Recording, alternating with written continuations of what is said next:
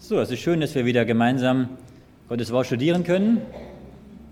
Heute Abend werden wir ein wenig in die Prophetie hineingehen. Und es ist schön, dass wir das zusammen tun können. Das Thema ist die letzte Schlacht. Offenbarung 1, Vers 3 sagt, selig ist, der der liest und die der hören die Worte der Weissagung und behalten, was darin geschrieben ist, denn die Zeit ist nahe. Ich glaube, Heute Abend könnt ihr den Text auswendig. das ist auch gut so. Man muss, manchmal muss man wiederholen, denn die Texte, ähm, dass man sie sich einprägt. Selig ist, der da liest und die da hören die Worte der Weissagung und behalten, was darin geschrieben ist. Denn die Zeit ist nahe. Wir haben hier wichtige Worte, die Gott uns sagt. Lesen, hören, behalten. Und die Motivation, die Begründung, die Zeit ist nahe. Die Zeit, dass es sich erfüllt, was Gott sagt, aber auch die Zeit, dass Jesus wiederkommt. Meine Lieben, wenn wir heute in die Weltgeschichte hineingucken, die Zeichen der Zeit sehen, wenn wir die Zeitungen lesen und mit offenen Augen lesen, dann sehen wir, wie Dinge sich vor unseren Augen erfüllen. Sowohl die politischen Verhältnisse, die wirtschaftlichen Verhältnisse. Wir stehen kurz vor einem Weltzusammenbruch, was in Amerika momentan abläuft, in der ganzen Banken- und Finanzkrise. Wenn man sehen, was in der Umwelt abläuft. Ich habe am letzten Wochenende die Vorträge gehalten über die Klimakatastrophe im Licht der biblischen Prophetie. Und wenn man sich damit beschäftigt, das ist unglaublich, was, was die Prognosen sagen, was kommen wird.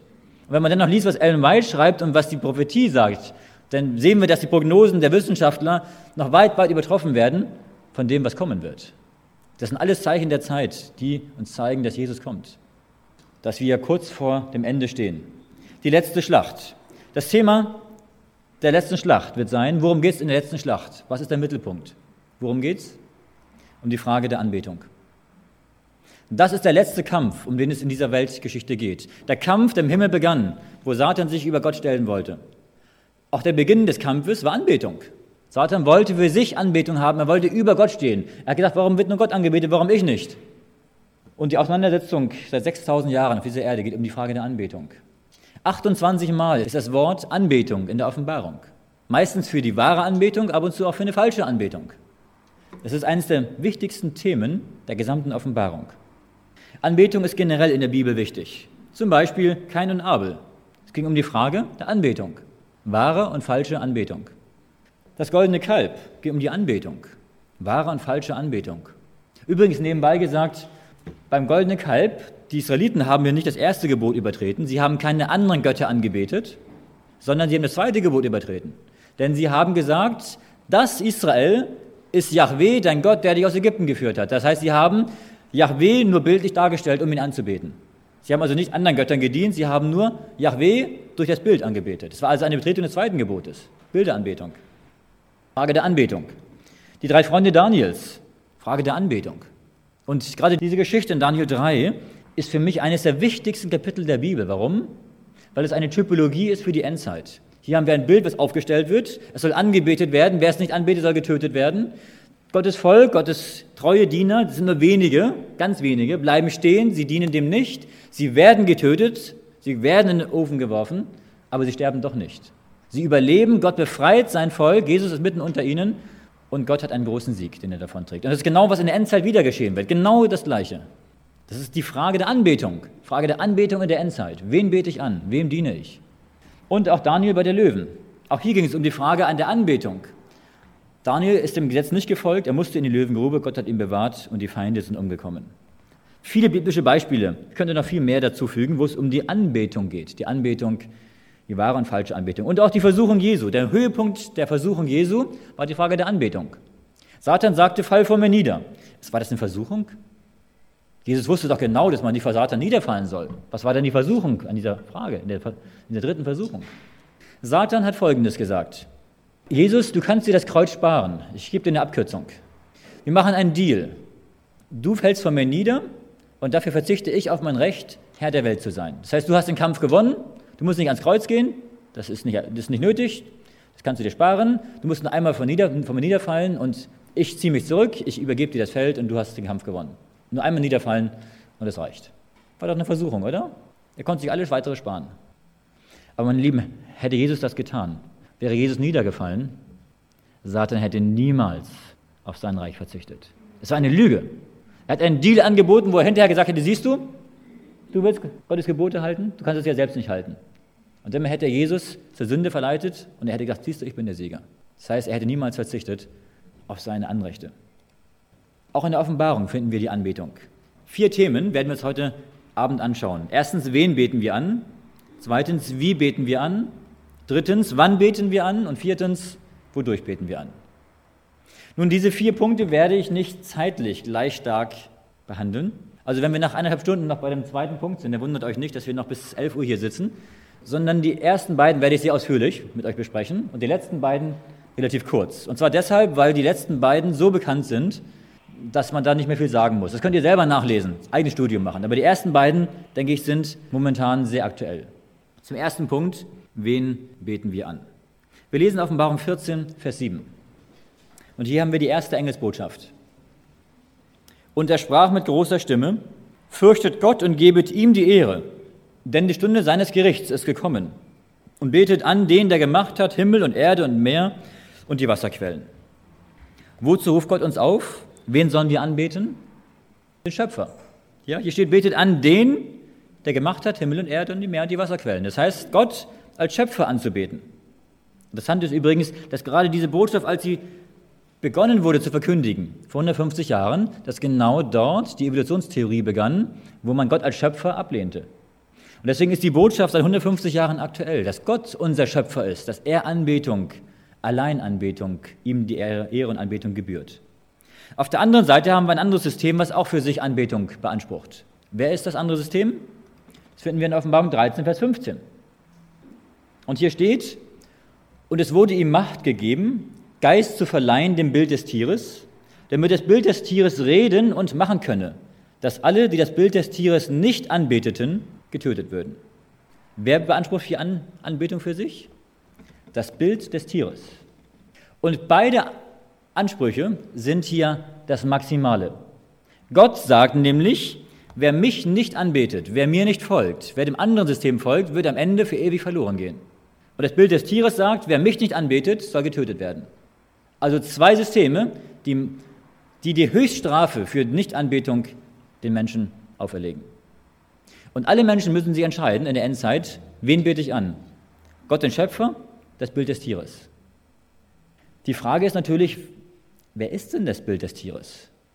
Ich glaube, dass das die letzte Verführung dieser Welt ist, wo alle Menschen gezwungen werden, das Bild des Tieres anzubeten. Und wer es nicht anbetet, soll getötet. Es ist ein, ein Todesbefehl für alle die Gott anbeten. Übrigens, dieser Todesbefehl, der hier geschrieben ist, der wird erlassen werden, aber er wird nicht zur Ausführung kommen, weil in der Zeit schon die Gnadenzeit zu Ende ist und an dem Tag, wo der Todesbefehl ausgeführt werden soll, wird Jesus Christus für sein Volk eintreten und wird wiederkommen. Wer ist das Bild des Tieres? Wir lesen einmal Offenbarung 13, Verse 15 bis 17. Er steht hier, und es wurde ihm Macht gegeben, nämlich dem zweiten Tier, dem Tier aus der Erde, Geist zu verleihen dem Bild des Tieres, damit das Bild des Tieres reden und machen könne, dass alle, die das Bild des Tieres nicht anbeteten, getötet würden. Und es macht, dass sie allesamt, die Kleinen und Großen, die Reichen und Freien an Armen, die Freien und Sklaven, sich ein Zeichen machen an ihre rechte Hand oder an ihre Stirn. Und dass niemand kaufen oder verkaufen kann, wenn er nicht das Zeichen hat, nämlich den Namen des Tieres oder die Zahl seines Namens. Nun, es ist ein Bild des Tieres. Wessen Tieres? Von welchem Tier wird hier ein Bild gemacht? Von dem Meertier. Woher wissen wir das? Vers 14. Genau, hier steht nämlich, und sagt denen, die auf Erden wohnen, dass sie ein Bild machen sollen dem Tier, das die Wunde vom Schwert hatte und lebendig geworden war. Und das ist das Tier, was vorher als Meertier in Offenbarung 13 beschrieben ist. Offenbarung 13, 1 bis 10. Ganz genau. Das heißt, es wird dem Meertier, dem Papsttum, ein Bild gemacht. Das heißt, das Bild ist nicht das Papsttum selbst, es ist ein Bild vom Papsttum. Das Bild des Tieres ist auch nicht das zweite Tier. Wer ist das zweite Tier aus der Erde? Das ist Amerika, die USA, der gefallene Protestantismus. Das Bild des Tieres ist also weder das Papsttum noch die USA, es ist etwas anderes. Und zwar die USA wird dem Papsttum ein Bild machen. Was ist ein Bild? Wenn man ein Bild sieht, wir haben hier kein Bild hängen, zum Glück nicht. Was ist ein Bild? Richtig. Das heißt, etwas Reales wird nachgebildet, nachgemacht.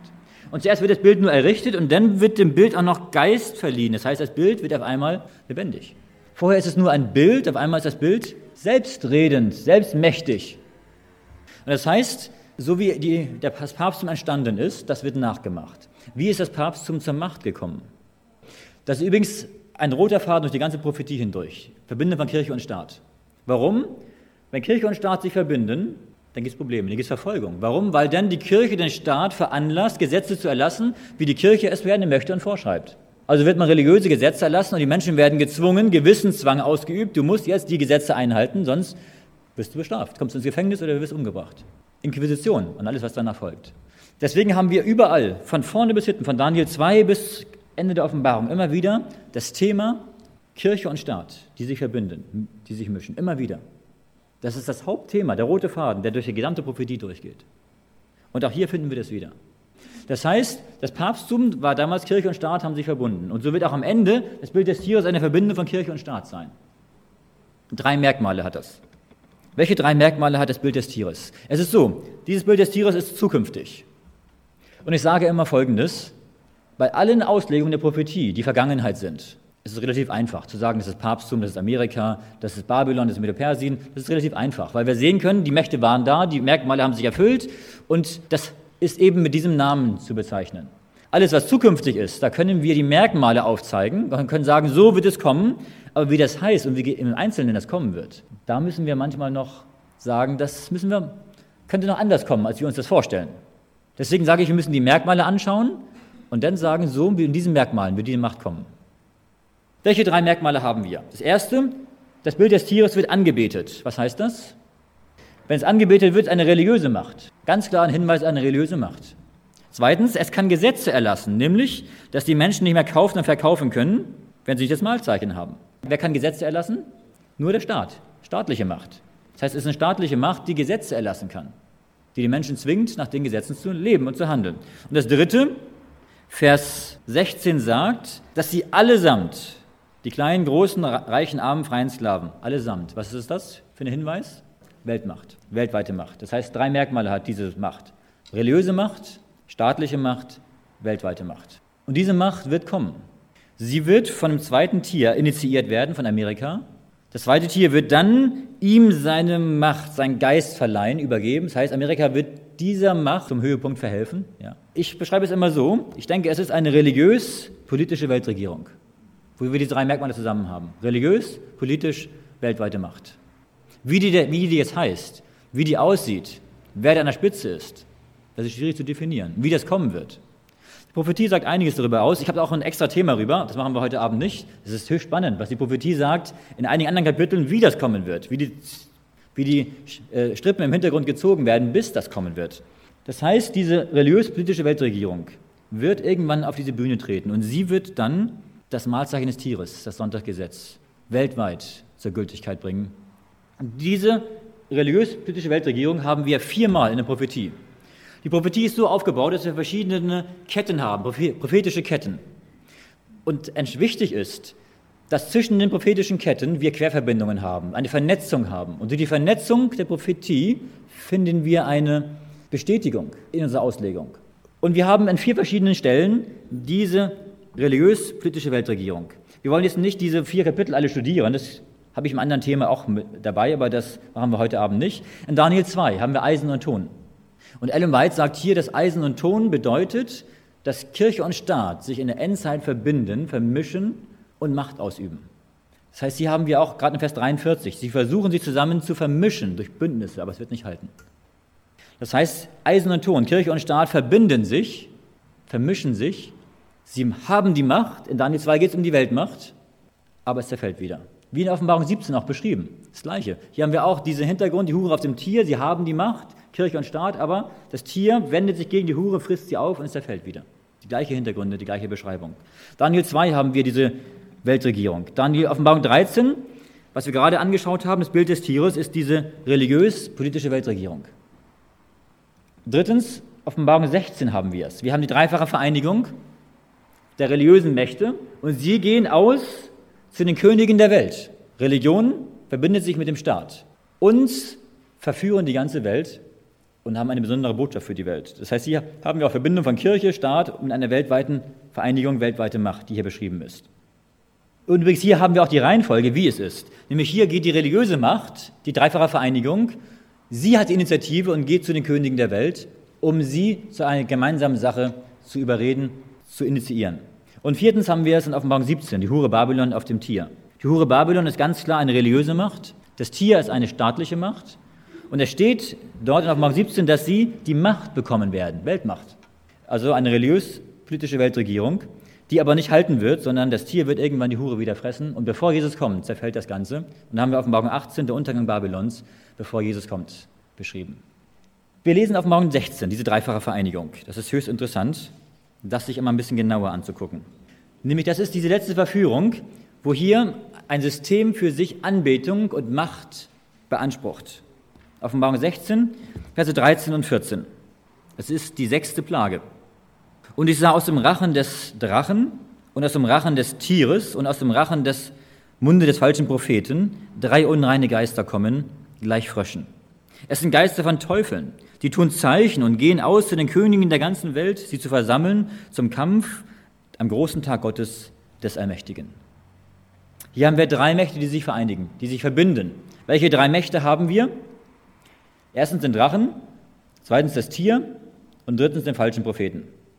Und die drei verbinden sich. Wer ist der Drache? Satan.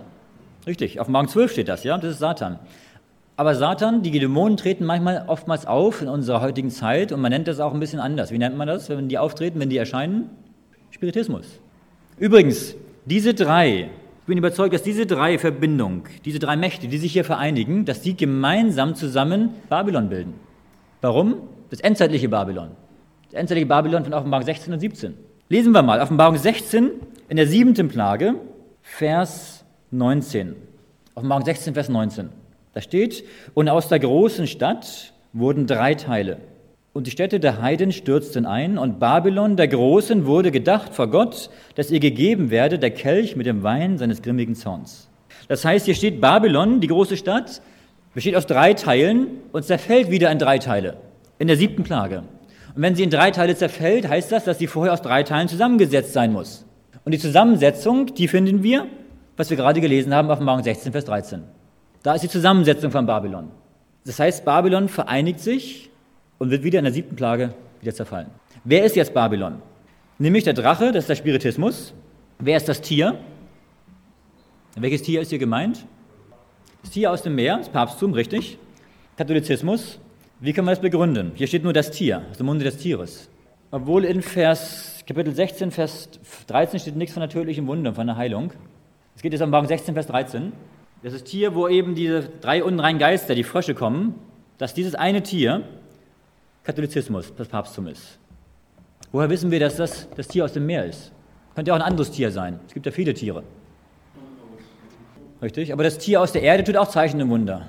Könnte auch das Tier aus der Erde sein. Das lammähnliche Tier. Aber das zweite Tier macht das auch. Macht auch, hat auch Streit, verfolgt, macht Zeichen und Wunder. Das zweite Tier aus der Erde hätte die gleichen Hintergründe. Warum das Tier aus dem Meer? Und übrigens, das ist auch etwas, was in der Zukunft liegt. Während auf Morgen 13 das Tier aus der Erde, aus dem Meer, auf Morgen 13, 1 bis 10 ist Vergangenheit, ist Mittelalter. Und hier haben wir, was das in der Zukunft tun wird. Neue Dinge. Ganz einfach. Wenn in der Offenbarung irgendwo von dem Tier die Rede ist, ohne nähere Bezeichnung, ohne Begründung, ohne Beschreibung, ist immer das Tier auf Morgen 13, 1 bis 10. Wir können mal ganz alle Texte aufschreiben, habe ich mal gemacht. Es gibt bestimmt 20 Texte, wo nur das Tier steht. Und wenn man alle Texte sich aufschreibt, wird aus dem Zusammenhang aller Texte deutlich, das Tier ohne Beschreibung ist immer dieses eine Tier, was im Mittelpunkt der Offenbarung steht, Offenbarung 13, 1 bis 10, das Papsttum. Ist immer das gleiche. Deswegen kann man sich merken, ist ganz einfach. Deswegen, das ist der Katholizismus, ganz richtig. Jetzt kommt die große Frage, wer ist der falsche Prophet? Und da habe ich schon viele Auslegungen gehört. Die einen sagen, Russland, heute nicht mehr, haben sie vor 20 Jahren gesagt. Andere haben gesagt Islam, andere sagen hier und jenes. Das ist eine kühne Behauptung. Abgewandter Protestantismus. Kannst du es auch begründen? Aber wir haben einen anderen Text, der das sofort erklärt. Ganz einfach erklärt. Manchmal muss man auch die Prophetie ein bisschen kennen. Wo wird der falsche Prophet erklärt? Wo gibt es einen Text, der ihn identifiziert? Schlag mal auf, Offenbarung 19. Offenbarung 19 und dort Vers 20. Und das Tier wurde ergriffen und mit ihm der falsche Prophet, der vor seinen Augen die Zeichen getan hatte, durch welche er die verführte, die das Zeichen des Tieres angenommen und die das Bild des Tieres angebetet hatten. Lebendig wurden diese beiden in den feurigen Pfuhl geworfen, der mit Schwefel brannte. Das heißt, was steht hier? Der falsche Prophet wird hier identifiziert, beschrieben, nämlich als der, der vor den Augen des Tieres Zeichen und Wunder getan hatte und die Menschen verführte.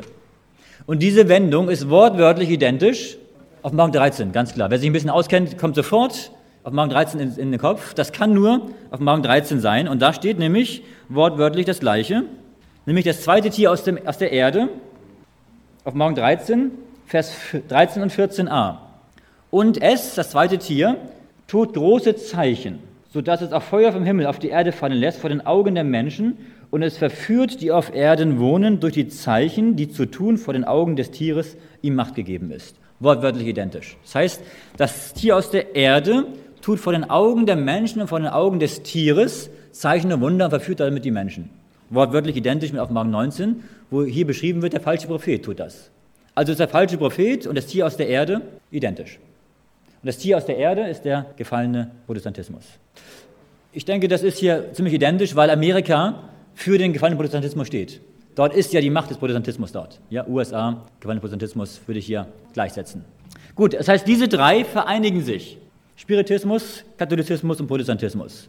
Und wenn man das so sieht, dann fällt einem auf, dass zufälligerweise eine Frau vor über 100 Jahren genau das prophezeit hat.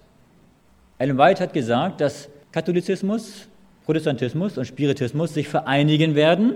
Und wenn sie sich vereinigt haben, dann die Zeit gekommen ist, wo Satan durch Zeichen und Wunder wirken wird und in der Welt die Verführung bringen wird. Und ich glaube, dass dieses Babylon etwas sehr Großes werden wird in der Endzeit. Und zwar, wir haben auf der unteren Ebene Katholizismus und Protestantismus, die sich vereinigen. Das ist die Ökumene, die christliche Ökumene. Und die werden sich vereinigen. Und sie werden sich vereinigen mit dem Spiritismus. Was ist der Spiritismus? Spiritismus ist mehr als nur Gläser, Rücken und Pendeln. Das ist viel mehr. Wenn man den großen Kampf liest, dann beschreibt Ellen White den Spiritismus als ein, als ein System, als ein Überzeugungssystem, als ein religiöses System. Das sind, denke ich, all die Weltreligionen, die spiritistischen Hintergrund haben. Hinduismus, Buddhismus, Taoismus, Shintoismus. Das heißt, hier haben wir eine Vereinigung der spiritistischen Weltreligionen zusammen mit dem, mit dem christlichen Katholizismus und Protestantismus. Das, ich bin überzeugt, dass wir eine Globalisierung haben eine Globalisierung auf religiöser Ebene, dass eine Art Weltreligion entsteht, wo alle mitmachen. Und diese Weltreligion wird nicht so sein, dass jeder seinen Glauben aufgeben muss und diesen neuen Glauben annehmen muss. Nein, jeder kann seinen Glauben behalten, aber es werden Werte definiert, Werte, die in allen Religionen gleich sind. Und aufgrund dieser gemeinsamen Werte wird man sagen, wir schaffen eine neue Religion, die jetzt den Weltfrieden auf die Erde bringen wird. Und der Hans Küng ist schon dabei, diese Werte zu definieren. Er hat das Projekt Weltethos und er sagt, wir brauchen verbindliche Werte, für alle Menschen verbindlich, zum Beispiel Nächstenliebe, Toleranz, Gutes tun, das sind alles Werte, die in jeder Religion gleich sind. Und dort trifft man sich. Und wenn alle Religionen sich vereinen und dieser Weltreligionen, dann werden die Kriege abgeschafft. Warum? Weil die meisten Kriege der Welt Religionskriege sind. Und man wird sagen, das ist die neue, wahre, endzeitliche Religion. Und Ellen White beschreibt im großen Kampf, dass selbst Satan sich, wenn er diese Weltreligion aufgerichtet hat, dass Satan sich selbst zu dieser neuen Religion bekehren wird. Muss man sich vorstellen. Satan schafft eine eigene neue Religion und bekehrt sich dann selbst zu dieser Religion. Warum? Weil er glaubt, dass das die echte, wahre Religion ist, die den Menschen Frieden und Glück bringt.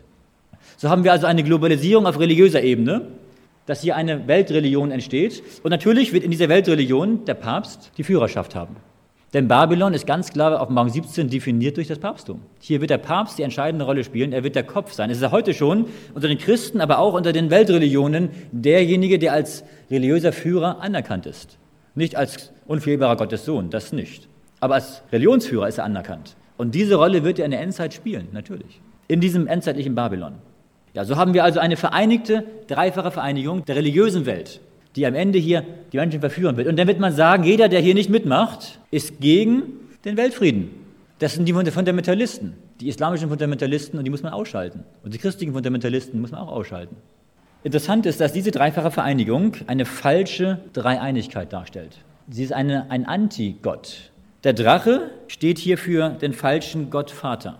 Der Drache ist derjenige, der den Thron hat, der die Macht hat. Er ist der Anführer dieser drei und er gibt den Thron weiter an, an das Tier. Das Tier ist der falsche Sohn, der Antisohn, der Antichristus.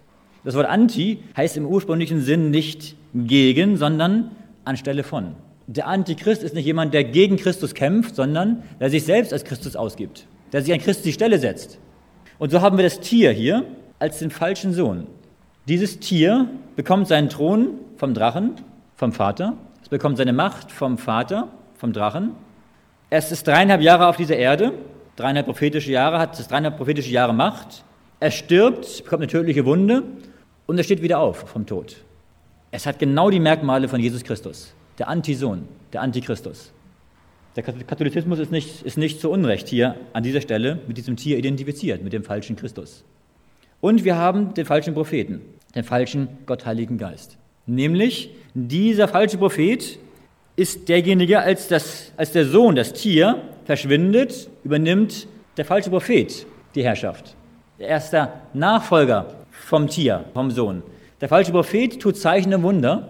Der falsche Prophet ist derjenige, der Menschen verführt, der von oben herab die Menschen durch Feuer vom Himmel ergreift. Feuer ein Symbol für den Heiligen Geist. So haben wir eine falsche Dreieinigkeit. Gott der Vater tut für sich selbst Anbetung beanspruchen, Gott als Schöpfer Anbetung beanspruchen in der ersten Engelsbotschaft. Und hier haben wir ein falsches System, was jetzt von den Menschen Gehorsam und Anbetung beansprucht. Und das wird die letzte Verführung auf dieser Erde sein. Wir haben das, dieses Thema auch in Matthäus 24. Auch Jesus spricht davon. Matthäus 24, Vers 23 und 24. Wenn dann jemand zu euch sagen wird, siehe, hier ist der Christus oder da, so sollt ihr es nicht glauben. Denn es werden falsche Christus und falsche Propheten aufstehen und große Zeichen und Wunder tun, sodass sie, wenn es möglich wäre, auch die Auserwählten verführten. Und wenn Jesus davon spricht, von falschen Christus und falschen Propheten, dann meint er sicherlich das wörtlich. Es werden Menschen kommen, die sagen, ich bin ein Christus, ich bin ein Prophet und sind falsche. Aber man kann es auch beziehen auf die Offenbarung, nämlich falsche Christus, das ist der falsche Gottsohn, das Tier, der falsche Christus. Und falsche Propheten, der falsche Prophet. Wir haben auch hier eine, einen Hinweis darauf. Und was tun sie? Jesus sagt, sie werden, durch, sie werden Zeichen und Wunder tun und durch Zeichen und Wunder Menschen verführen. Und was tun diese drei? Sie tun Zeichen und Wunder und gehen zu den Menschen der Welt. Durch Zeichen und Wunder werden die Menschen verführt, weil die Menschen glauben, wenn Wunder geschehen, muss irgendwas übernatürlich Göttliches da sein. Und sie folgen dem System. Wir haben auch einen Hinweis darauf im Thessalonicher, 2. Thessalonicher. Paulus spricht davon, Kapitel 2, Verse 9 bis 12. Der Böse aber wird in der Macht des Satans auftreten, mit großer Kraft und lügenhaften Zeichen und Wundern und mit jeglicher Verführung zur Ungerechtigkeit, bei denen, die verloren werden, weil sie die Liebe zur Wahrheit nicht angenommen haben, dass sie gerettet würden. Darum sendet ihnen Gott die Macht der Verführung, sodass sie der Lüge glauben. Damit gerichtet werden alle, die der Wahrheit nicht glaubten, sondern Lust hatten an der Ungerechtigkeit. Was sagt Paulus? Hier wird auch der Böse auftreten, womit? Mit Zeichen und Wundern. Hier, wir haben hier den Antichristen dargestellt. Was tut er? Durch Zeichen und Wunder verführt er die Menschen zum Unglauben. Er verführt sie. Die gleiche Beschreibung wieder dieser endzeitlichen Macht, die die Menschen ins Verderben führt. Und es gibt nur eine Möglichkeit, dem zu entgehen. Was sagt Paulus? Ganz genau. Nicht ganz. Der Liebe zur Wahrheit haben, das können wir gar nicht. Was steht hier? Liebe zur Wahrheit angenommen haben. Das heißt, wir können sie von uns aus nicht haben, die Liebe zur Wahrheit, sondern sie nur annehmen, von Gott annehmen. Es ist die nächste Frage, was ist denn die Wahrheit? Wir haben in der Bibel zwei Definitionen, was Wahrheit ist. Erstens, Jesus sagt, ich bin der Weg, die Wahrheit und das Leben. Jesus Christus ist die Wahrheit. Das heißt, nur die Menschen, die die Liebe zu Jesus haben, werden am Ende das durchschauen und nicht verführt werden und stehen bleiben. Das ist die Frage, hast du die Liebe zu Jesus? Oder singst du nur davon und sprichst du davon? Oder hast du sie wirklich? Hast du ein Verlangen danach? Liebe zu Jesus zu haben heißt, dass ich ein Verlangen habe, mit Jesus zusammen zu sein. Ich weiß nicht, ob ihr euch erinnern könnt an eure Verlobungszeit. Wenn ihr verliebt seid, verlobt seid und der, euer Partner ruft an, sagt er dann, na ja, komm, ruf morgen nochmal an, ich habe heute keine Zeit. Und wenn er kommen will zum Besuchen, na ja, ist doch nicht so wichtig, können wir doch auch nächste Woche machen, oder? Wenn man einen Menschen liebt, dann tut man alles dafür. Man fährt bis ans Ende der Welt. Man ruft an mit Skype und übers Internet und überall und schickt Briefe. Warum? Weil man den Menschen liebt und weil man mit ihm zusammen sein möchte, weil man mit, von ihm hören möchte. Meine Lieben, wenn wir die Liebe zu Jesus haben, dann heißt das, dass ich alles tue, dass ich die Europameisterschaft auch mal sausen lasse. Das Spiel der Deutschen muss man unbedingt sehen, aber muss ich auch unbedingt, ist es mir wichtig, Jesus zu sehen, mit Jesus zusammen zu sein? Was ist mir wichtiger? Wo ist mein Herz? Wo ist meine Leidenschaft? Habe ich mehr Leidenschaft für irdische Dinge, für Fußball und für Autos, für Computer, als für Jesus? Wie sieht meine Liebe zu Jesus konkret aus? Habe ich ein Verlangen danach, mit Jesus zu sein? Ein Verlangen danach, ihn zu sehen, dass er kommt, dass er bald kommt, dass ich bald nach Hause gehen kann mit ihm? Denn wenn Jesus kommt, das ist die Hochzeit, die wir dann feiern mit ihm. Und wenn ein Verlobungspaar da ist und sie sagen, naja, wir lieben uns aber wann wir heiraten, ist doch egal. Ob wir nächste Woche heiraten oder erst in zehn Jahren. Wer so spricht, da stimmt irgendwas nicht in der Beziehung, oder? Im Gegenteil, man möchte doch den anderen, mit dem anderen vereint werden. Man möchte doch mit dem anderen zusammen sein. Und so ist es auch, wenn ich Jesus liebe, dann habe ich Sehnsucht danach, dass er wiederkommt, dass ich nach Hause gehen kann, dass ich ihn sehe, dass ich mit ihm verbunden bin. Meine Lieben, je mehr wir die Prophetie studieren, desto größer sollte unsere Sehnsucht sein, Jesus zu sehen. Meine Lieben, wenn er kommt und wenn er dir in die Augen schaut, das sind die gleichen Augen, die damals am Kreuz gehangen haben und auf die Menschen geschaut haben. Wenn er seine Hände ausstreckt, dir, dir, zu dir streckt, um dich empfangen zu heißen, das sind die gleichen Hände, die damals am Kreuz an das Holz genagelt wurden. Dann werden wir, denke ich, Jesu Liebe erkennen, spüren, Jesus entgegengehen. Das wird der schönste Moment sein, den wir bis dahin in unserem Leben erlebt haben werden. Die Liebe zu Jesus ist die einzige Möglichkeit, stehen zu bleiben. Wahrheit heißt erstens Jesus Christus als Person, aber Wahrheit ist noch mehr. Was heißt Wahrheit noch? Jesus sagt in dem hochpriesterlichen Gebet, dein Wort ist die Wahrheit, die Bibel. Hast du eine Liebe zum Wort Gottes, zur Bibel? Wenn wir keine Liebe zur Bibel haben, dann nützt uns alles nichts. Nur zu glauben, was der Prediger predigt, nur zu glauben, was, dass wir das Richtige glauben, nützt auch nichts. Wir müssen wissen, was wir glauben. Warum? Wir müssen das Wort kennen. Nur zu wissen, dass der Sabbat Gottes Tag ist, ist zwar gut, aber das reicht nicht. Wir müssen auch wissen, warum es Gottes Tag ist, aus der Bibel, aus seinem Wort. Wie können wir das wissen? Am besten, indem wir Bibelstunden geben. Wenn wir anderen Menschen Gottes Wort weitergeben, dann werden wir selbst im Wort gegründet. Das ist das, was Gott für uns vorgesehen hat, dass wir selbst fest werden, indem wir aktiv werden, Zeugnis zu geben für andere Menschen, Menschen zu Jesus zu führen. Die Liebe zum Wort Gottes. Hast du die Liebe zur Bibel? Oder liebst du die Fernsehzeitschrift und die Romane mehr als die Bibel? Zugegeben, es ist manchmal schwieriger, eine Bibel zu lesen, als in der Bildzeitung. Warum? Weil eine Bildzeitung uns alles vorkaut. Es ist schon vorgekaute Nahrung. Und hier müssen wir selber kauen. Manchmal auch an Vollkornbrot, was auch manchmal ein bisschen schwer zu verdauen ist. Das andere ist nur Weißbrot.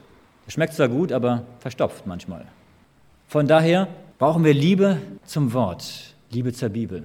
Dass wir wirklich ein Verlangen haben, daran zu lesen, Jesus daran kennenzulernen, dass Gottes Geist zu uns spricht.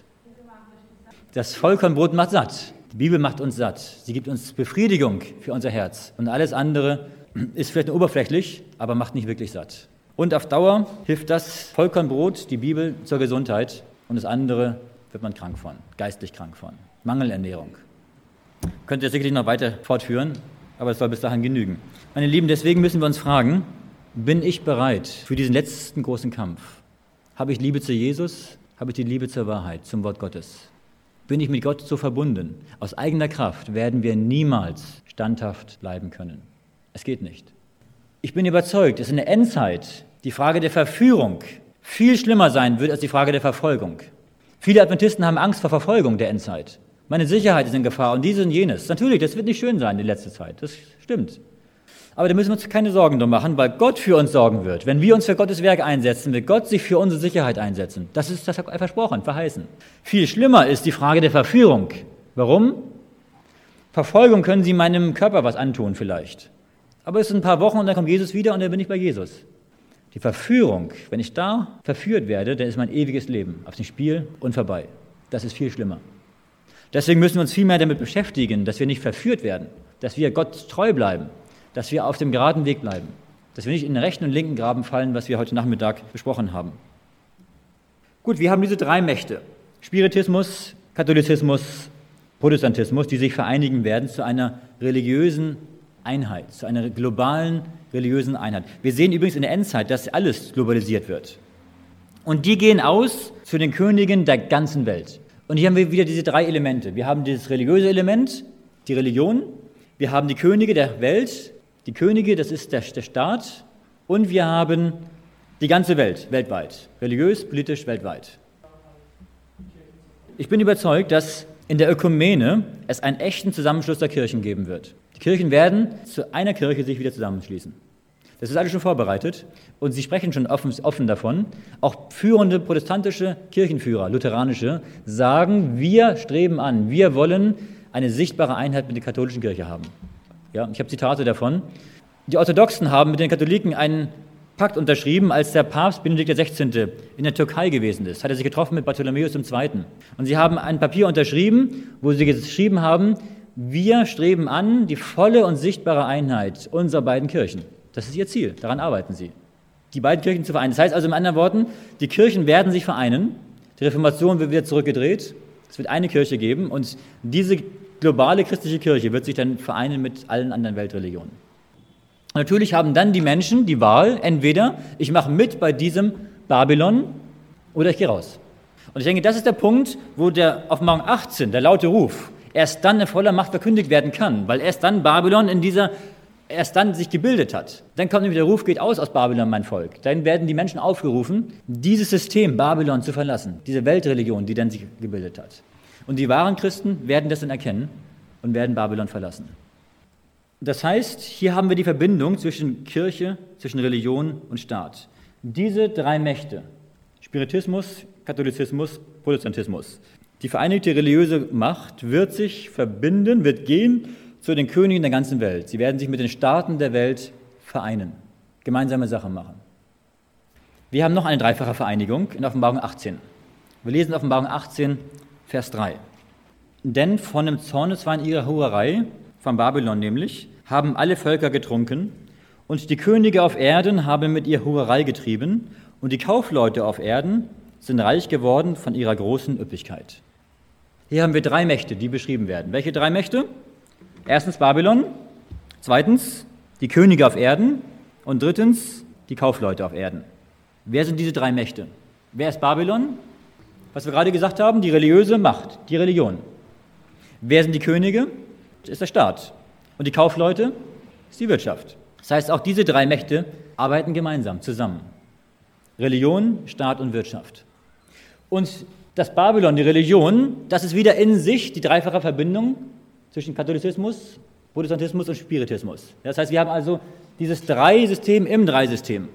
Das heißt, zuerst bilden die Kirchen, die Religionen sich zusammen, die gehen dann aus zu Sta zum Staat der Welt, tun die Wirtschaft noch mit ein, dazu nehmen und sie haben ein unglaublich starkes Wirtschaftssystem. Das heißt, eine Weltregierung, wo eine globale Religion da ist, Weltreligion, wo der Staat global geworden ist, eine Weltregierung, und wo die Wirtschaft global gesteuert wird, eine globale Wirtschaft. Wir sehen momentan auf allen Bereichen jetzt schon die Globalisierung voranschreiten. Auf der Wirtschaft, in den Staaten, überall sehen wir es, in der Religion. Das heißt, die Bestrebungen sind bei allen Gebieten schon da, dass alle drei Bereiche in sich globalisieren und sich dann zusammenschließen werden zu, einer, zu einem globalen Gebäude am Ende. Und genau das wird das Babylon sein, was damals gewesen ist, beim Turmbau zu Babel. Was haben die Menschen gemacht? Da war eine riesengroße Krise, die Sintflut. Und sie haben gesagt, wir müssen zusammenhalten, gemeinsam daran arbeiten, dass wir so eine Krise, wenn sie nochmal kommen sollte, überleben. Also haben sie gemeinsam den Turmbau zu Babel gemacht. Und was sagt Gott? Gott sagt, die Menschen haben ein Ziel, eine Sprache, eine Kommunikation. Und wenn sie jetzt hier arbeiten, wird ihnen nichts mehr unmöglich sein. Ich muss das verhindern. Und genau das wird in der Endzeit wieder passieren. Das heißt, die Menschen haben globale Krisen. Sie sagen, wir müssen alle gemeinsam zusammenhalten. Sie werden sich zusammenschließen. Ellen White spricht davon, dass in der letzten Zeit große Zusammenschlüsse sein werden auf allen Gebieten. Und das wird die letzte Verführung sein. Und dann werden sie sagen, wir werden nur mit diesen Zusammenschlüssen, werden wir die Weltprobleme lösen können. Und dann haben wir das gleiche System wieder wie das alte Babylon. Das heißt, die Menschen halten alle zusammen, alles ziehen an einem Strang und dann werden sie Unglaubliches ausführen können. Die drei müssen zusammenhalten. Ja? Äh, erstens, wo das Geld ist, ist die Macht. Und deswegen müssen sie in der Wirtschaft das Geld haben. Das heißt, sie müssen überall zusammen. Es geht nicht ohne die Wirtschaft, es geht nicht. Es muss zusammengehören. Aber das Interessante ist dann, dann wird Babylon untergehen. Und auf Morgen 18 steht dann beschrieben, wie die Kaufleute und die Könige auf Erden jammern werden über den Untergang Babylons. Das heißt, weil sie voneinander profitiert haben. Und wenn eins jetzt zusammenbricht, ist die ganze, das, das Ganze wieder am Boden, ist das ganze System wieder auseinandergebrochen und dann werden alle drüber jammern und klagen und schreien. Ja.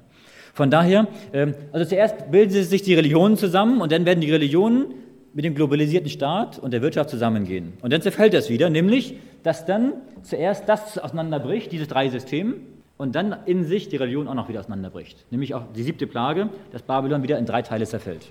Also zuerst wird alles mit dem Baukasten zusammengesetzt und dann wird alles wieder nach und nach zerbrechen, bevor Jesus kommt. Und das ist dann die Einleitung für Jesu Wiederkunft.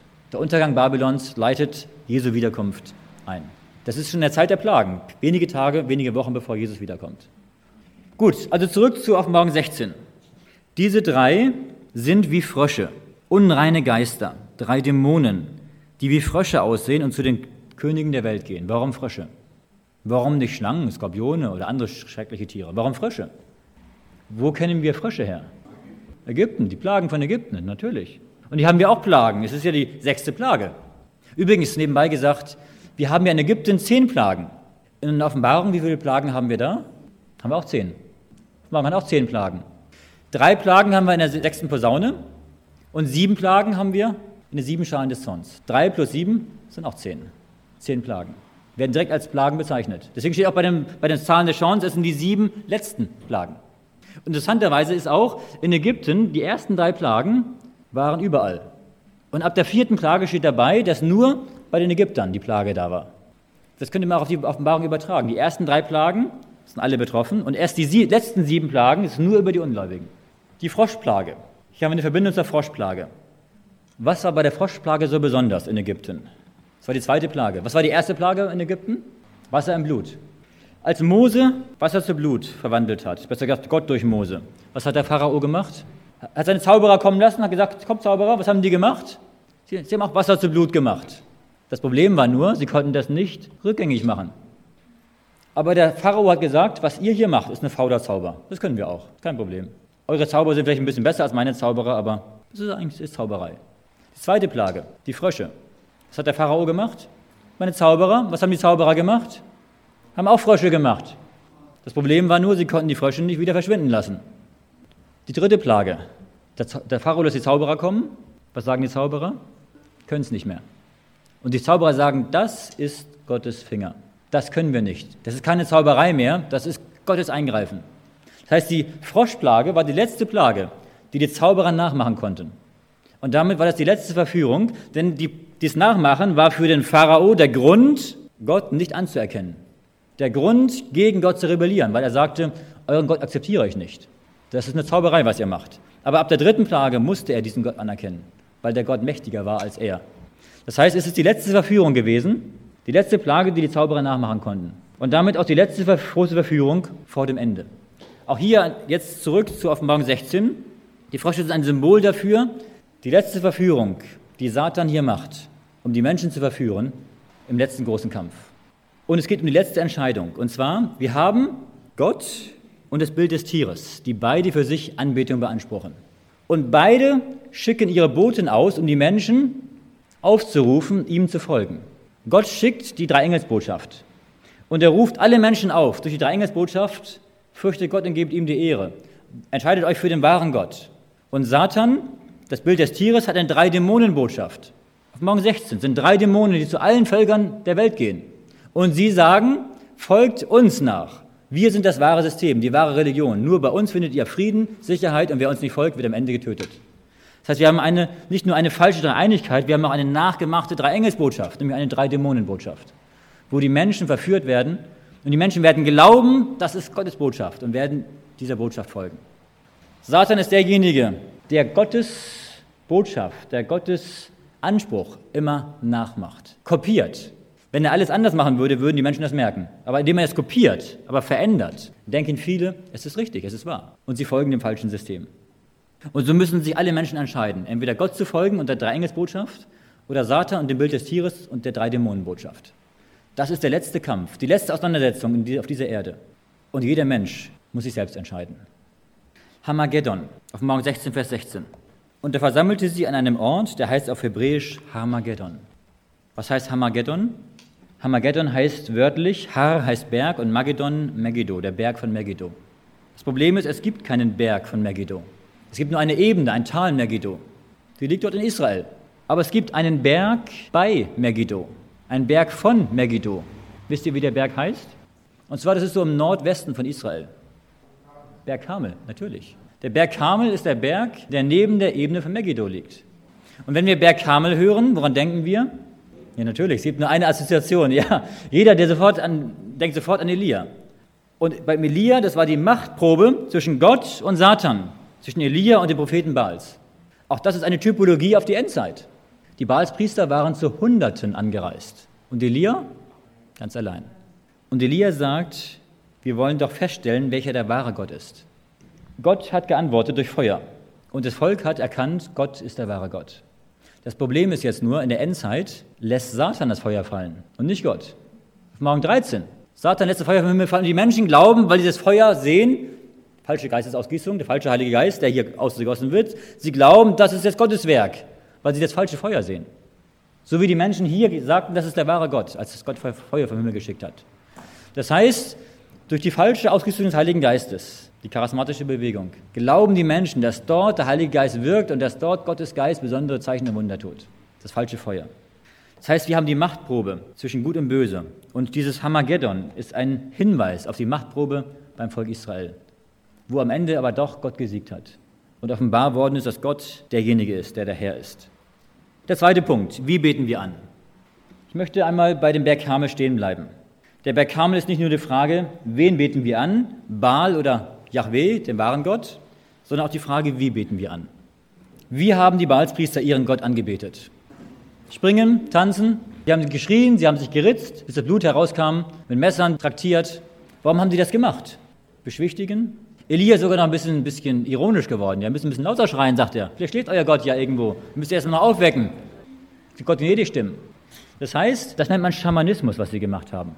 Schamanismus heißt, dass man durch Trance oder durch Ekstase versucht, mit Geistern Kontakt aufzunehmen, um sie zum Handeln zu bewegen. Und Schamanismus finden wir überall. Das bei den Schwarzen im Busch, die Medizinmänner, bei den Indianern durch Trance, bei den Eskimos, bei den Aborigines, bei den Naturreligionen Europas, überall. Schamanismus. Man versucht durch Ekstase, durch, ja, dadurch zu dem Gott, zu dem Geist Kontakt aufzunehmen und dadurch irgendwie sie zum Handeln zu bewegen. Eine Frage, wie lange hat Elia getanzt? Warum nicht? Hätte doch wenigstens eine halbe Stunde tanzen können. Das bringt nichts, brauchte er nicht. Hat ihm doch gut getan, so ein bisschen, hätte er ein schönes Gefühl bei bekommen. Meine Lieben, Elia spricht ein Gebet. Ein ganz einfaches, aber tiefes Gebet. Und Gott antwortet auf dem Himmel. Wir müssen nicht unseren Gott durch Tanzen und Schreien zum Handeln bewegen. Wie bewegen wir Gott zum Handeln? Das Gebet, durch einfaches Gebet. Und glaub mir, Elia hat dort gestanden und er betet, Herr Gott, lass kund werden, wer heute in Israel Herr ist, dass du mich geschickt hast, dass ich in deinen Auftrag handle, dass heute in ganz Israel kund werden, dass du der Herr bist. Einfaches Gebet. Und er hat noch nicht Amen gesagt und Gott antwortet mit Feuer. Ich bin überzeugt, Elia konnte dort stehen, weil er zu Hause im Kämmerlein mit seinem Gott verbunden war weil er von Gott persönlich den Auftrag bekommen hat, geh dorthin. Weil er vor dem Gott des Universums gestanden hat, konnte er hier vor Königen und vor dem Volk stehen, furchtlos. Meine Lieben, das Geheimnis ist unsere persönliche Beziehung zu Gott. Durch einfaches Gebet, durch gläubiges Gebet, durch Vertrauen zu Gott. Dadurch können wir Gott zum Handeln bewegen und nicht durch Schreien und Hüpfen und in Ekstase uns singen. Meine Lieben, genau das finden wir heute in der Christenheit wieder, in der charismatischen Bewegung. Was dort geschieht, ist genau das gleiche wie im Schamanismus. Man versucht sich selbst in eine gewisse Ekstase hineinzubringen, um dadurch Gott zum Handeln zu bewegen, um Gefühle zu haben. Aber das ist Schamanismus. Und die, und die Phänomene, die dabei geschehen, dieses Zungenreden, dieses Kauderwelschen, genau was im Schamanismus geschieht, das machen die auch dort, dieses Zungenreden. Das ist da die Quelle. Auf jeden Fall haben wir hier, denke ich, genau das, das Feuer, was vom Himmel fällt, der falsche Heilige Geist, der hier, man sagt, dass der Heilige Geist im besonderen Maße wirkt, als ein falscher Geist. Ellen White sagt, solche Vorfälle wie in Indiana. Und zwar, in Indiana gab es damals Adventisten, die haben auch getanzt, gesprungen und wollten Gott auch durch diese Art und Weise zum Handeln bewegen. Solche Vorfälle wie in Indiana werden sich am Ende der Gnadenzeit wiederholen. In manchen Gemeinden werden alle Hemmungen fallen und in ihren Gottesdiensten wird es Schreien mit Schlagzeug, Musik und Tanzen geben. Und das alles wird dem Wirken des Heiligen Geistes zugeschrieben. Der Heilige Geist offenbart sich niemals durch Manifestationen, die an ein lärmerfülltes Tollhaus erinnern. Das ist eine Erfindung Satans. der auf diese Weise die reine, echte, erhebende, veredelnde und heiligende Wahrheit für unsere Tage unwirksam machen will. Tobender Lärm verletzt das Gefühl und verkehrt das, was ein Segen sein könnte, würde es richtig dargeboten, ins Gegenteil. Die Handlanger Satans erzeugen Getöse und Lärm wie auf einem Jahrmarkt und bezeichnen das als Wirken des Heiligen Geistes. Wer an solchen angeblichen Erweckungen teilnimmt, empfängt Eindrücke, die ihn vom rechten Weg abirren lassen. Solche Dinge, die es in der Vergangenheit gegeben hat, werden auch in der Zukunft wieder auftreten. Jetzt kommt ein wichtiger Satz. Satan wird Musik zu einem Fallstrick machen durch die Art und Weise, wie sie dargeboten wird. Und es gibt immer noch Brüder und Schwestern in unseren Reihen, die behaupten, Musik sei wertneutral. Du kannst durch jede Musik einen Gottesdienst machen und überall und alles. Das ist alles wertneutral. Was sagt Ellen White? Die Art und Weise, wie Musik dargeboten wird, kann Verführung sein. Musik kann zum Guten wirken, kann aber auch verführen. Was mich am meisten erstaunt, wann werden die Dinge wieder auftreten? Beim Ende der Gnadenzeit. Meine Lieben, genau das geschieht jetzt, heute in den Adventgemeinden, auch in Deutschland. Und das ist für mich eines der stärksten Hinweise, wie nah wir vor dem Ende stehen. Dass wir kurz vor dem Ende der Gnadenzeit stehen. Natürlich auch die anderen Dinge, Sonntaggesetz und all die ganzen Dinge, die man sieht, sind natürlich irgendwo Hinweise. Aber seit 20 Jahren haben sie die in der Schublade und, und warten darauf, bis Gott den freien Weg ebnet, bis sie das können. Denn Gott bestimmt, wann die Endzeit beginnt und nicht die Menschen. Aber hier sehen wir eine Entwicklung, dass Gott sagt, wenn das auftritt, wieder mit Schreien und Tanzen und Schlagzeug in den Gemeinden, dann sind wir am Ende der Gnadenzeit. Und das ist eine Verführung, die letzte Verführung. Die Verführung geht nicht nur um die Frage, wen beten wir an, sondern auch die Frage, wie beten wir an. Und ich glaube, dass hier Satan momentan in der Wendgemeinden ein offenes Feld hat, wo viele Geschwister nicht genau wissen, was Anbetung bedeutet und wo sie eine falsche Art der Anbetung annehmen, übernehmen und praktizieren und merken gar nicht, wie sie Schritt für Schritt aufs falsche Gleis kommen. Kain und Abel. Sie haben beide den gleichen Gott angebetet. Bei ihnen ging es nicht um die Frage, wen beten wir an? Das war klar. Beide haben Yahweh, den wahren Gott, angebetet. Warum hat Gott das Opfer Kains nicht angenommen und das Opfer Abels angenommen? Beide haben von ganzem Herzen geopfert. Beide waren aufrichtig dabei. Was war der Unterschied? Der hat ein Feld genommen, der andere hat ein Schaf geopfert. Aber beide, der, der Kain war ja Ackermann, er hat einfach von seiner Sache geopfert und der Abel war ein Schäfer, der von seiner Sache geopfert. beide haben es mit wirklich ganzem Herzen gemacht. Warum hat Gott das eine angenommen, das andere nicht? Gott hat er verordnet, für Sündenvergebung ein Schaf zu opfern. Der Unterschied ist folgender. Abel hat Gott so angebetet, wie Gott es gesagt hat. Und Kain hat Gott so angebetet, wie er sich es selbst ausgedacht hat. Das ist der Unterschied. Beide haben es aufrichtig gemacht. Übrigens, letzte Zeit höre ich immer wieder, auch in unserer Eventgemeinden, die Argumente, Hauptsache, wir sind aufrichtig. Alles andere ist egal. Hauptsache aufrichtig. Und wenn wir Gott eben aufrichtig anbeten, durch Schreien und Tanzen, ist eben aufrichtig, ist auch, nimmt Gott auch an. Das ist ein Trugschluss. Der Kain war auch aufrichtig. Aber sein Opfer hat Gott nicht angenommen. Gott möchte nicht nur, dass wir ihm dienen, Gott möchte, dass wir ihm so dienen, wie er es sagt und nicht wie wir uns das selbst ausdenken. Jesus sagt, vergeblich dienen sie mir, weil sie lehren solche Lehren, die nicht als Menschengebote sind. Wir müssen Gott so folgen, wie er es sagt und nicht wie wir uns das selbst ausdenken. Das ist ganz wichtig. Das Gleiche finden wir auch heute. Wir haben heute eine neue Form der Anbetung, wo im Mittelpunkt der Anbetung nicht mehr Gott steht, sondern der Mensch. Die Anbetung der Bibel sagt ganz klar, dass wir Gott anbeten. Wenn wir die Offenbarung lesen, dann sehen wir, wie Gott den Mittelpunkt der Anbetung darstellt. Und heute haben wir eine neue Form, wo der Mensch im Mittelpunkt steht. Und das nennt man in der falschen Anbetung heute Willow Creek, Bill Heibels. Das ist eine Form der Anbetung, wo auf einmal andere Inhalte der Anbetung da sind. Wo auf einmal der, das menschliche Gedankengut, das menschliche Denken, das, das Maxime ist, wonach wir handeln. Die Bücher von Rick Warren, Kirche mit Visionen und Leben mit Visionen, sind über 22 Mal bereits verkauft. Sie haben das Denken, das Handeln von Millionen von Christen und christlichen Leitern auf der ganzen Welt geprägt und verändert. Auch Adventgemeinden sind dabei, immer noch dabei, auch in Deutschland, nach und nach dieses System, das Konzept umzusetzen. Manche nur einige Dinge, manche das gesamte Konzept. Neue Gottesdienstformen in den Gemeinden einzuführen. Gottesdienstformen, wo im Mittelpunkt der Mensch steht und nicht Gott. Eine falsche Art der Anbetung. Und das Gefährliche daran ist, dass wir eine Mischung von Wahrheit und Irrtum haben. Wenn dann nur alles falsch wäre, dann würde man es sofort erkennen und wir sagen, das, das lassen wir lieber. Das Problem ist ja, es gibt ja manches Gutes dabei.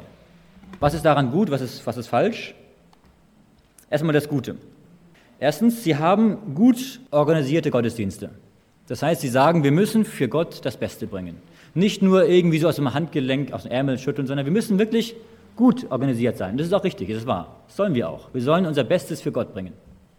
Zweitens, sie arbeiten mit Kleingruppen. Das ist auch gut.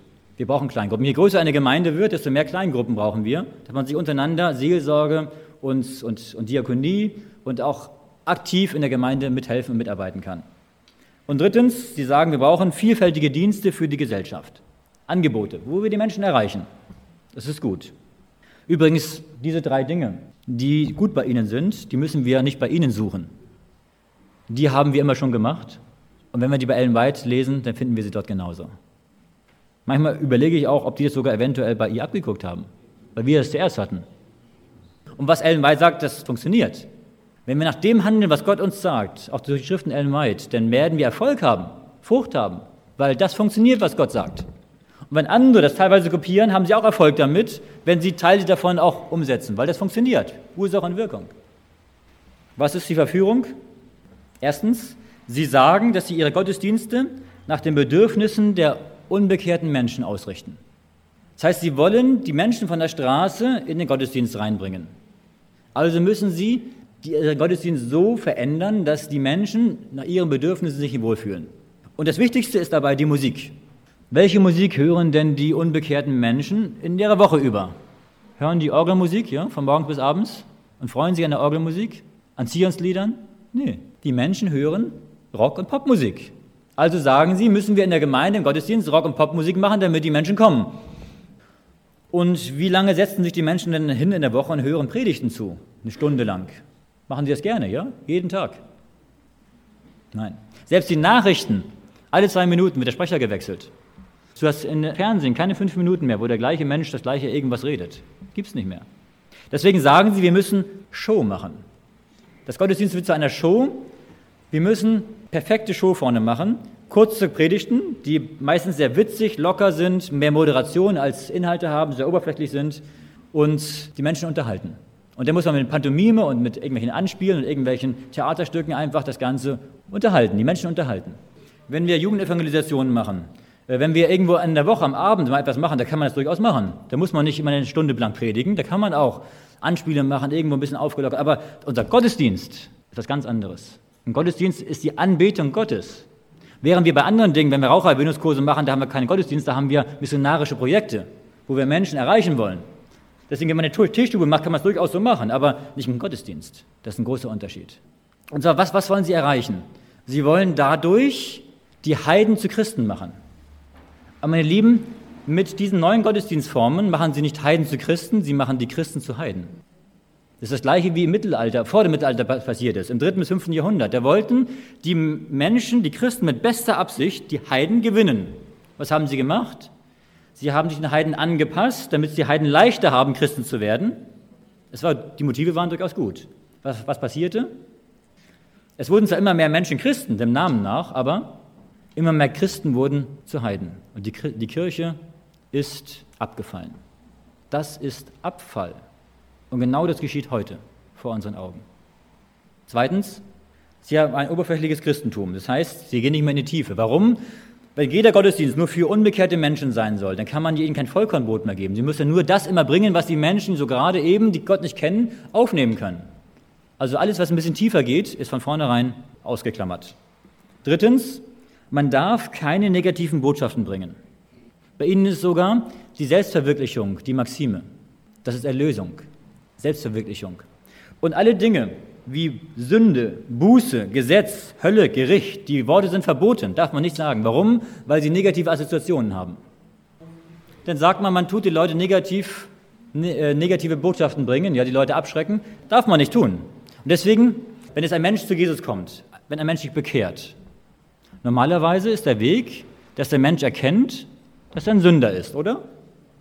Wenn ein Mensch erkennt, ich bin ein Sünder, der merkt, ich brauche Jesus und übergibt Jesus sein Leben. Aber wenn Sie nicht über, über Sünde reden dürfen und über Buße tun, wie führen Sie Menschen zu Jesus? Wie machen Sie das? Ganz einfach. Sie sagen, Komm zu Jesus und du hast ein besseres Leben. Das ist alles. Willst du ein besseres Leben haben? Willst du glücklicher sein? Komm zu Jesus. Nimm Jesus in dein Leben an und du hast ein besseres, schöneres Leben.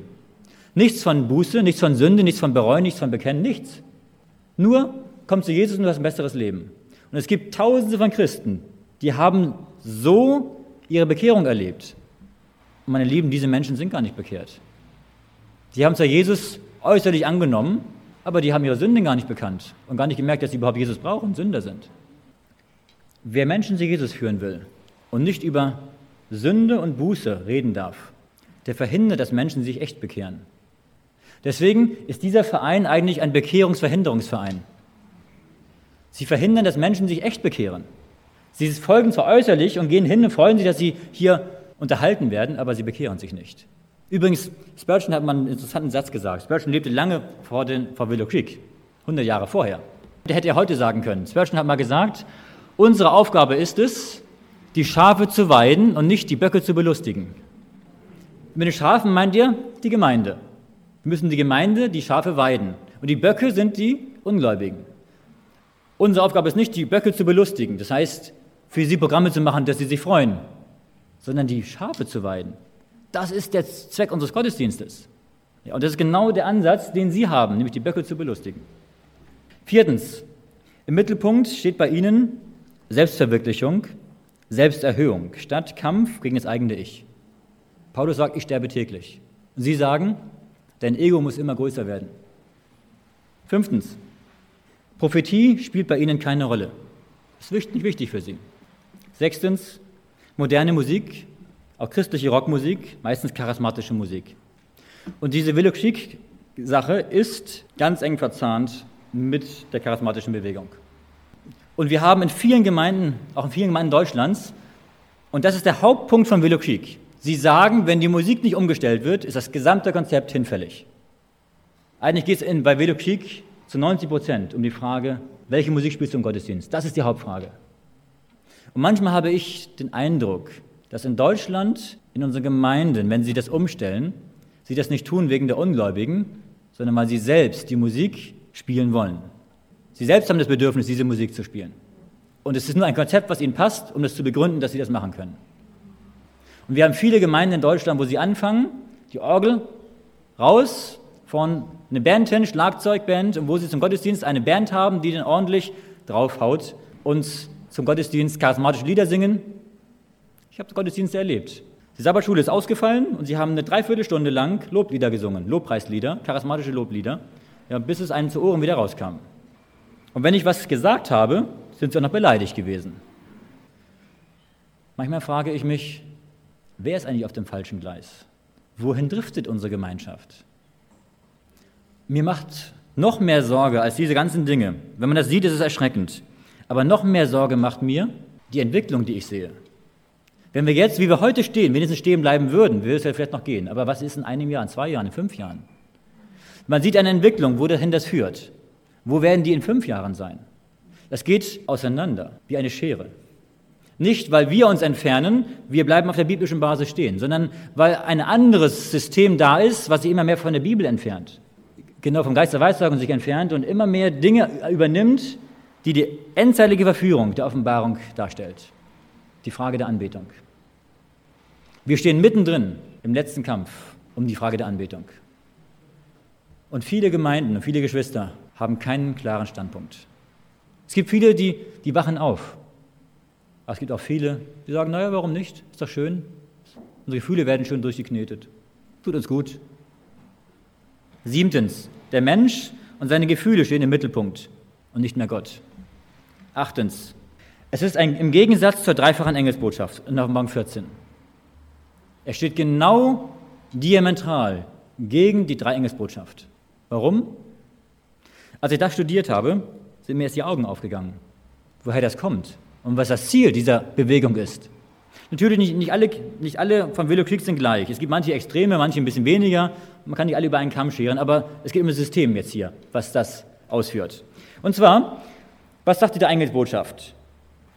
Die erste Engelsbotschaft sagt, Gott zu fürchten und ihm die Ehre geben. Das heißt, Gott fürchten heißt, tut Buße, kehr um, fürchte Gott. Gib ihm die Ehre. Warum sollen wir ihm die Ehre geben? Das Gericht hat begonnen. Und Gott als Schöpfer anbeten. Und den Schöpfer, da haben wir Gott, den Sabbat drin, das Gottes Gesetz drin. Meine Lieben, das sind Dinge, die man bei Velokrieg nicht mehr predigen darf. Man darf nicht predigen über Buße tun, nicht über Furcht, nicht über Gottes Gericht und nicht über das Gesetz und über den Sabbat. Das heißt, wer Velokrieg folgt, kann und darf die erste Engelsbotschaft nicht verkündigen. Die zweite Botschaft, worum geht es da? Babylon ist gefallen. Und auf Morgen 18 dazugenommen, geht raus von ihr mein Volk aus Babylon. Warnung vor Babylon, vor den gefallenen Kirchen. Bei Velokrieg darf man nicht andere Kirchen kritisieren. Das heißt, wer Velokrieg folgt, kann nicht die zweite Engelsbotschaft verkündigen. Eine Warnung vor den anderen, den gefallenen, falschen Kirchen. Und der Ruf, Babylon zu verlassen. Die dritte Engelsbotschaft, worum geht es da? Welche Folgen hat meine Entscheidung? Wer dem Tier folgt und dem Mahlzeichen des Tieres, der wird Gottes Gericht abbekommen. Das heißt, es geht um Gottes Gericht und es geht um die Hölle, um den feurigen Pfuhl, in die Menschen geworfen werden. Die Dinge darf man nicht verkündigen bei Velokrieg. Gottes Gericht nicht, die Hölle nicht, den feurigen Pfuhl nicht. Darf man nicht in den Mund nehmen, die Worte. Das heißt, wer Velokrieg folgt, kann die dritte Engelsbotschaft nicht verkündigen. Und ich bin überzeugt, Velokrieg ist eine Erfindung Satans, die er besonders in die Adventgemeinde hineinschleusen möchte, damit wir aufhören, die dreifache Engelsbotschaft zu verkündigen. Denn wer dem System folgt, verkündigt nicht mehr die drei Engelsbotschaft. Und meine Lieben, das ist Gottes Botschaft an unsere Gemeinde, an uns. Wer verkündigt auf der ganzen Welt die Engelsbotschaft? Nur die Adventgemeinde. Die einzige Kirche, die diese Botschaft verkündigt. Und wenn wir aufhören, das zu verkündigen, wer verkündigt sie dann? Deswegen ist Satan daran interessiert, dass wir aufhören, das zu verkündigen.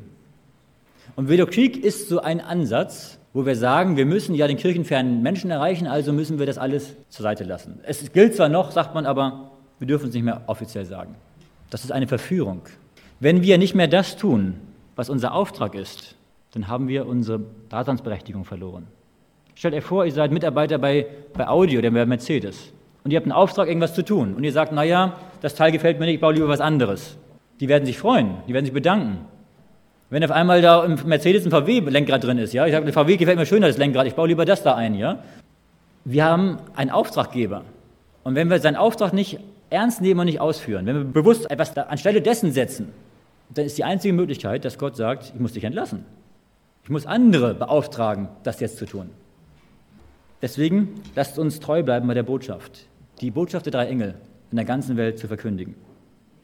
Ellen White sagt im großen Kampf, ehe Gott zum letzten Mal die Welt mit seinen Gerechten heimsucht, wird sein Volk erweckt werden zu der ursprünglichen Gottseligkeit, wie sie seit dem apostolischen Zeitalter nicht gesehen wurde.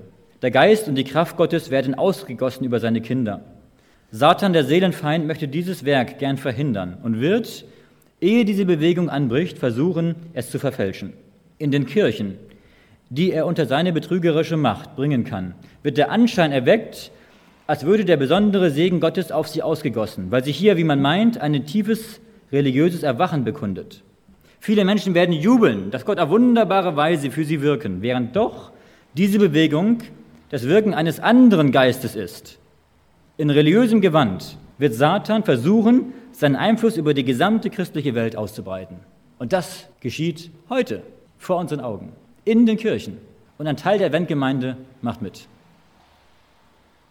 Ich kritisiere das und ich erlaube mir das zu kritisieren. Warum? Weil, weil Bill Heibels selbst zugegeben hat, dass sie einen Fehler gemacht haben, dass das System nicht in Ordnung war. Das habe ich jetzt hier, das Zitat zeige ich euch sofort.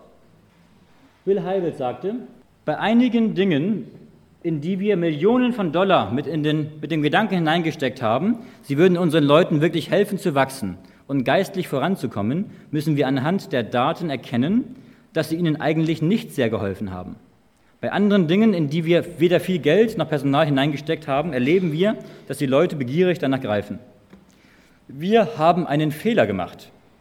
Wir hätten den Menschen, als sie die Linie des Glaubens überschritten und Christen wurden, sagen und sie dahin anleiten sollen, dass sie die Verantwortung übernehmen müssen, sich selbst geistig zu ernähren. Wir hätten sie unterweisen sollen, wie sie ihre Bibeln an den Tagen zwischen den Gottesdiensten lesen sollen und wie sie die Gewohnheiten geistlichen Lebens viel intensiver von sich aus pflegen müssen. Was sagt er? Wir haben einen Fehler gemacht. Unser System war nicht gut. Wir haben zwar Millionen von Menschen in unseren Kirchen drin, aber das sind keine Christen. Die sind alle geblieben, wie sie waren, haben sie nicht verändert.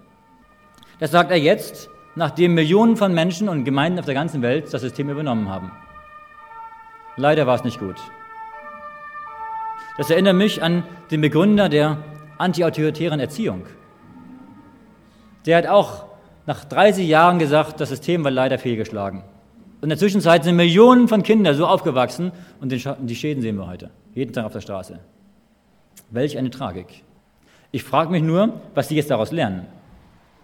Ich glaube nicht, dass Bill Heibel sich bekehrt von dem System, sondern Sie werden sich was Neues ausdenken, um die Fehler, die Sie gemacht haben, irgendwie zu kaschieren und irgendwie weiterzuführen. Es gibt übrigens mittlerweile eine neue Welle. Bill Heibels Creek ist bereits schon ziemlich alt geworden. Es gibt eine neue, eine neue Welle, die über unsere Gemeinden kommt. Das nennt sich Emerging Church. Eine Welle, wo eine neue Form von Christentum und von Gemeindediensten propagiert wird. Aber darüber sprechen wir heute Abend nicht, das dauert zu lang. Das ist ein neues Thema wieder. Dritter Punkt. Wann beten wir an? Der erste Punkt war, wen beten wir an? Gott oder das Bild des Tieres?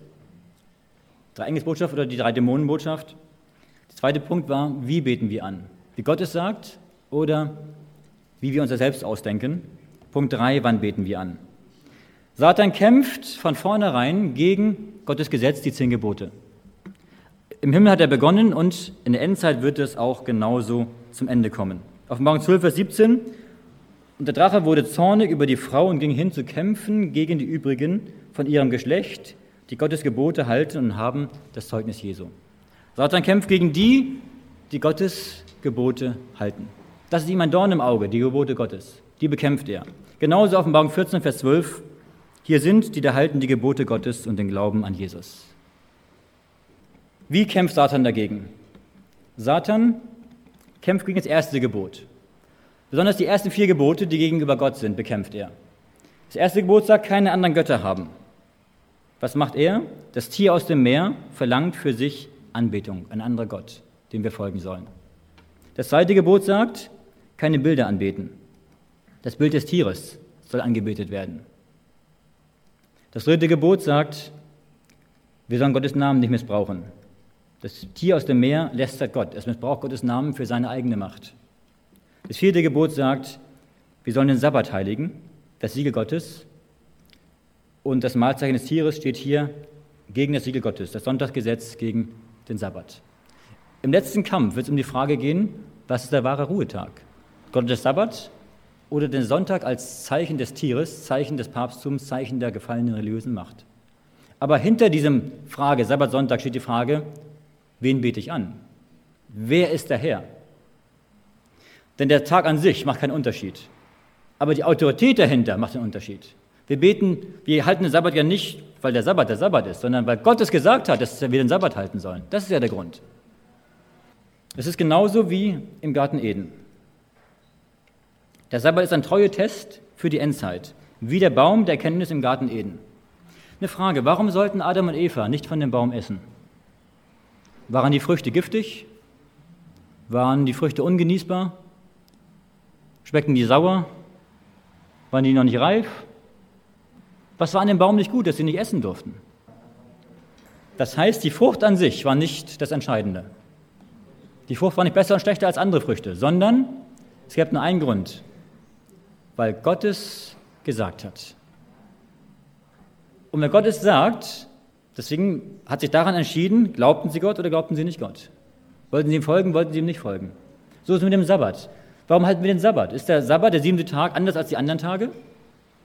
Hätte Gott gesagt, wir sollen jeden vierten Tag halten, dann würden wir jeden vierten Tag halten. So einfach ist das. Aber Gott sagte, wir sollen jeden siebten Tag halten, jeden Sabbat. Und weil er das sagt, machen wir es. Die Frage des Sabbats ist eine Frage des Treue-Testes. Die anderen Gebote sind im Gewissen des Menschen verankert. Wenn ein Mensch, der nicht in Gott glaubt, lügt, sagt ein Gewissen ihm, das ist nicht in Ordnung. Der Sabbat der ist nicht im Gewissen. Den halten wir, weil Gott es sagt. Es ist ein Zeichen der Treue zu Gott. So ist es in der Endzeit, dass die Menschen, die Gott folgen, den Sabbat halten, als Zeichen der Treue ihm gegenüber. Gegenüber dem Bild des Tieres, was den Sonntag in der ganzen Welt als Gesetz durchsetzen wird. Und der vierte Punkt ist, wodurch beten wir an? Jesus sagt in Johannes 14, Vers 15, liebt ihr mich, so werdet ihr meine Gebote halten. Das heißt, wir lieben Gott, wir beten ihn an, dadurch, dass wir ihm gehorsam sind. Das ist ein schönes Wort. Der Glaubensgehorsam ist schon immer zu allen Zeiten das Kennzeichen von Gottes Gemeinde gewesen. Gottes Volk wird am Ende Gott treu bleiben. Treu bleiben heißt ihm folgen, ihm gehorsam sein. Hier sind die, die halten die Gebote Gottes. Hier steht nicht, die sagen, sie wollen sie halten. Hier steht, sie halten sie. Sie sind Gott treu. Aus Gottes Kraft können sie es, weil sie mit Gott leben, weil Gott in ihrem Herzen ist. Deswegen, wir beten Gott an, indem wir ihm folgen, indem wir ihm treu bleiben, indem wir das tun, was er sagt. Und wir wissen, dass Gottes Gemeinde am Ende den Sieg haben wird. Nicht jeder wird dabei sein. Das ist jede persönliche Entscheidung. Aber Gottes Gemeinde wird den Sieg haben. Gott wird seine Gemeinde, sein Volk am Ende mit dem Siegeszug in den Himmel führen. Wie schön wird das sein? Und wenn Jesus kommt, dann wird dieser Kampf zu Ende sein. Die letzte Schlacht wird dann entschieden sein. Das Gute ist, wir, wir stehen jetzt zwar davor, aber wir wissen jetzt schon, wie die letzte Schlacht ausgeht. Und wir können uns jetzt entscheiden für den Sieger. Und wenn wir uns für den Sieger entscheiden, dann heißt das, dass wir zwischendurch denken, wir stehen ohne Schutz da, schutzlos. Wir denken, es geht nicht weiter, weil die Mächte der ganzen Welt sich gegen uns verbünden. Aber wenn wir Gott treu bleiben, werden wir mit Gott den Sieg haben. Auch wenn die Schar nur klein sein wird. Gott wird uns den Sieg schenken. Und das ist das Schöne. Lasst uns deswegen an Jesu Hand gehen. Lasst uns auf die Botschaft hören, die Jesus seiner Gemeinde Laodicea sagt. Dass wir persönlich Veränderungen in unserem Leben vornehmen. Dass wir unsere Beziehung zu Jesus vertiefen und dass wir vor allen Dingen mit Jesus verbunden bleiben. Das ist die Hoffnung, die wir haben. Das ist der Ausblick. Und ich freue mich auf diesen Tag, wenn Jesus kommt und wir dann endlich nach Hause gehen dürfen. Offenbarung 7 sagt, diese sind's, die gekommen sind aus der großen Trübsal und haben ihre Kleider gewaschen und haben ihre Kleider hell gemacht im Blut des Lammes. Darum sind sie vor dem Thron Gottes und dienen ihm Tag und Nacht in seinem Tempel, und der auf dem Thron sitzt, wird über ihnen wohnen. Wer überwindet, dem will ich geben, mit mir auf meinem Thron zu sitzen. Das ist unsere Bestimmung, auf Jesu Thron zu sitzen, wenn er kommt. Und ich denke, dass alle Probleme, alle Schwierigkeiten, alle Sorgenöte der Welt nichts sind im Vergleich zu der Herrlichkeit, die dann an uns offenbart wird. Wenn Jesus jeden von uns begrüßen wird und willkommen heißen wird in seinem ewigen Reich. Lasst uns zum Gebet aufstehen. Himmlischer Vater, Herr Jesus Christus, wir beten dich an. Du bist der Herr, der Herr des Universums, der Herr des Himmels, der Herr dieser Erde. Wir danken dir, dass du deine Allwissenheit uns offenbart hast, dass du uns in der Offenbarung Dinge gezeigt hast, was kommen wird, dass wir nicht unwissend in die letzten Dinge hineingehen müssen, sondern dass wir wissen, was kommt. Und wir sehen, wie die Dinge sich heute vor unseren Augen entwickeln, wie wir direkt davor stehen, schon mittendrin in diesem letzten Kampf. Herr Jesus, bewahre uns. Bewahre uns, dass wir nicht verführt werden. Bewahre uns, dass wir nicht uns der Welt anpassen, dass wir nicht im rechten Graben landen der, des Formalismus und des Fanatismus, sondern hilf, dass wir mit dir verbunden bleiben. Wir bitten dich, dass wir immer mit dir unsere Beziehung pflegen können, dass wir in der wahren Anbetung stehen. Wir bitten dich für unsere Brüder und Schwestern auf der ganzen Welt, dass du ihnen die Augen öffnest, was Wahrheit ist, dass du sie warnst vor, vor Verführung, vor den falschen Dingen, die in die Gemeinden Einfluss nehmen. Herr Jesus, hilf, dass wir deine Botschaften, die du durch Ellen White uns gegeben hast, dass wir sie lesen, beherzigen, dass wir dadurch fest stehen bleiben, dass wir nicht verführt werden. Herr Jesus, sei du uns nahe, halte uns fest, dass wir im letzten Kampf dir treu bleiben, dass wir dann mit dir nach Hause gehen dürfen, wenn du kommst in der Wolken des Himmels. Und darauf warten wir und darauf freuen wir uns und bitten dich, komm doch bald. In deinem Namen, Herr Jesus. Amen.